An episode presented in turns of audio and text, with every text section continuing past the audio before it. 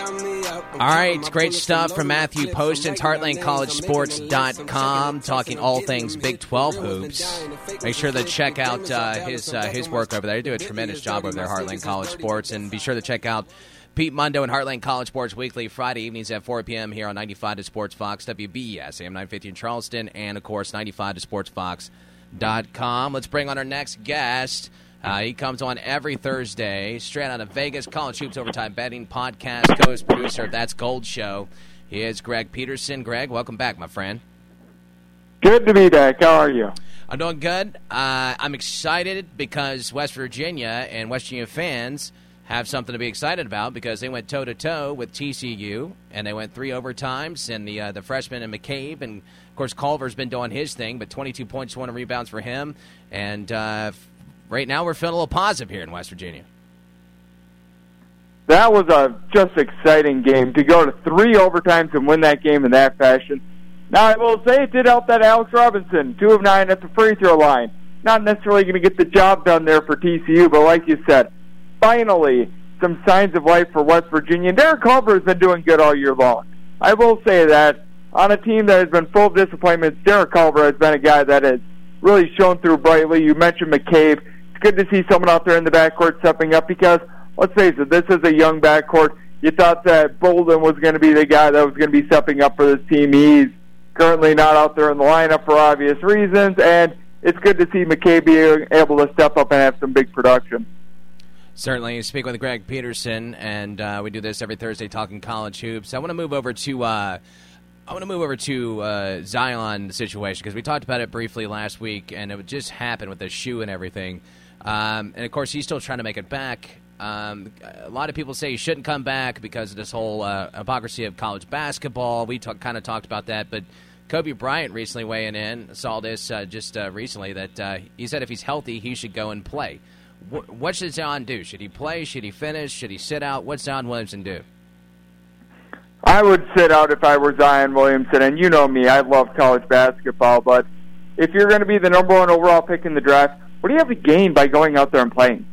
You're getting, and I air quotes here, a tuition that, uh, let's face it, he's probably not going to be using a whole lot of. He obviously could return to school after he's all done with his NBA career and everything like that, learn in the off season, but there's just not much to be had for Zion Williamson by going back out there. And we saw the freak incident with the shoe. This guy makes highlight reel play after highlight reel play. What happens if he gives up for a block and he lands awkwardly and he winds up having an injury that affects the rest of his career? That's millions upon millions, if not maybe even even a larger amount of money that Zion Williamson loses. There's just not much to gain, and there's a whole lot to lose. Yeah, certainly. Uh, what what does Duke's national championship odds do uh, if Zion Williamson doesn't uh, return? Because I know it's still a talented team, and he is the best uh, player in the country, and he's going to be the overall number one pick in the NBA draft. But if Zion Williamson decides, hey, I'm just going to you know not play, I'm going to look forward to the uh, NBA career. What does this do for Duke's title odds? Uh, if Zion does play, they're more around a two to one shot to be able to win the national championship. Without him they go to seven to one, and in my book, they go to zero percent. I just can't see Duke winning a national championship without them. We saw the way that they looked against Virginia Tech a couple days ago. They weren't the same team. We saw what happened against North Carolina. Didn't look too impressive. They were able to knock off Syracuse, but we've seen that this is a team that doesn't really knock down too many threes. You've got Cam Reddish, you've got R.J. Barrett, nice players, but who out there is really going to step up and be that difference maker? You've got Javin DeLaurier now getting minutes with Zion Williamson out. They had Jack White trying to give this team some production when they had injuries to Tre Jones and Zion. Jack White in that game against Syracuse, by the way, because he was thrust into action in that one. Over 10 from 3 in that one. In the UNC game, 0 for 5 from 3. He has proven that he is incredibly useless out there on the court. There's just no way Duke wins the national championship without Zion Williamson moving attention over to the SEC. You know, I said this uh, yesterday when I was uh, ta- kind of looking at, uh, or it was Tuesday when I was doing some bracketology talk with Shelby Mass, and I, I said, man, you know, the SEC looks really tough on paper this year. And I know every year, you know, we talk about the Big 12 and the ACC and a couple teams out of the Big East and, and yada, yada, yada. But a lot of times we kind of overlooked the SEC. It used to be Kentucky and everybody else. Now with the rise of Tennessee, got LSU in the top uh, ten.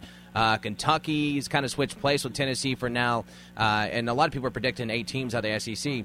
Um, would you say this is the best year the SEC has had overall in a while? The last year at the SEC was really good too, though. I feel like what we saw from the SEC last year was not a fluke, and it's continued into this year. You've seen teams be able to take that next step forward. Obviously, Vanderbilt was a squad that was expected more out of uh, Darius Garland, got hurt over there. But you take a look at a team like in Alabama, they haven't necessarily had the best record, but they went on the road against Tennessee, held toe to toe with them. You take a look at Mississippi State, a team that's currently not in the top 25.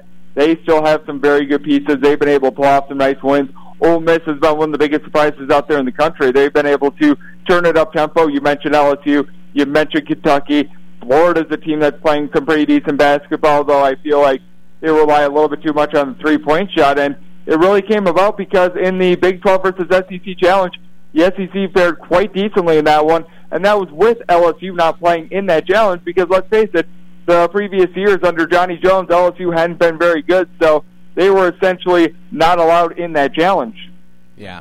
Uh, you know, speaking of uh, Tennessee, it's it, Tennessee's had an interesting couple of weeks because uh, they're involved in this Ole Miss uh, situation recently. Fans throwing trash on court after a call, and then they reached out to the SEC offices because a referee apparently had LSU apparel on. So, and then LSU's having this whole situation with their head coach being subpoenaed. So it's kind of strange about the SEC right now because there's so many different storylines, but mo- most notably Tennessee, who's kind of you know still there, and I still think it's a team that can contend for a national championship. But it's interesting the kind of dynamic of what Tennessee's kind of been through lately.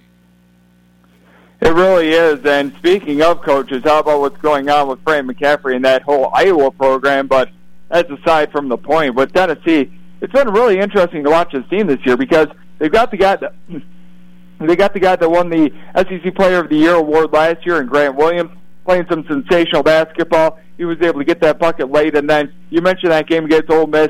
It ends essentially on a charge 30 feet away from the basket. When's the last time you've seen that? And then you've got guys like Admiral Schofield, Kyle Williams being able to pull in rebounds for this team. Tennessee was a couple weeks ago the number one team in the country. Now they've faded a little bit with losses to LSU and Kentucky, and now they're back on the come up, getting a nice road win against Ole Miss. This is a team that's just been on a massive roller coaster recently. Got Greg Peterson straight out of Vegas, man, talking all things college hoops, college hoops, overtime betting, some podcast uh, stuff. Also, uh, co-host producer of That's Gold show. So uh, make sure to check those things. Contributes to uh, New York Post, uh, hardworking man in college basketball, and uh, like we like to do, man. Uh, well, first before we get to this, the Iowa situation. Um, interesting story. You just mentioned that the fact that here's a coach, he's upset, he says things to a referee. Um, there's suspensions involved, and it just keeps getting uglier. What's going on with this Iowa situation? Well, Frank McCaffery was just really upset that the calls didn't go his way a couple days ago when they were playing up against, I believe it was Indiana, might have been Nebraska, but excuse me, there were just really some bad calls that weren't going the way of Iowa. Uh, Connor McCaffery, his son, was actually hit in the head on a drive, and he was called for a blocking foul. So Iowa was really getting the short end of the stick on the calls, to say the least. Frank McCaffery, a guy that, if you watch college basketball, he goes from being very, very calm to blowing a head gasket and having his face turn all red. he was not happy with the calls. He went on a tirade after the game, led to a two-game suspension because he was trying to stand up for his guys.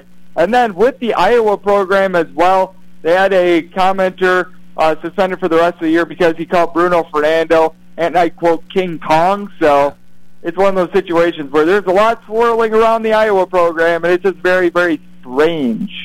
Yeah, that's uh, that's a strange situation. You know, the whole coaching thing just baffles me, and I know they're they got to be professional, but being in the media, I just hate censorship, man. You know, coaches going to show some emotion. You know, I know you're not supposed to be cursing guys up and down, but um, I know they pick and choose. But that thing with the commentator is uh, there's no excuses for that. But you know, the coach, I just feel like you should be able to. Uh, to voice your opinion without getting some type of suspension.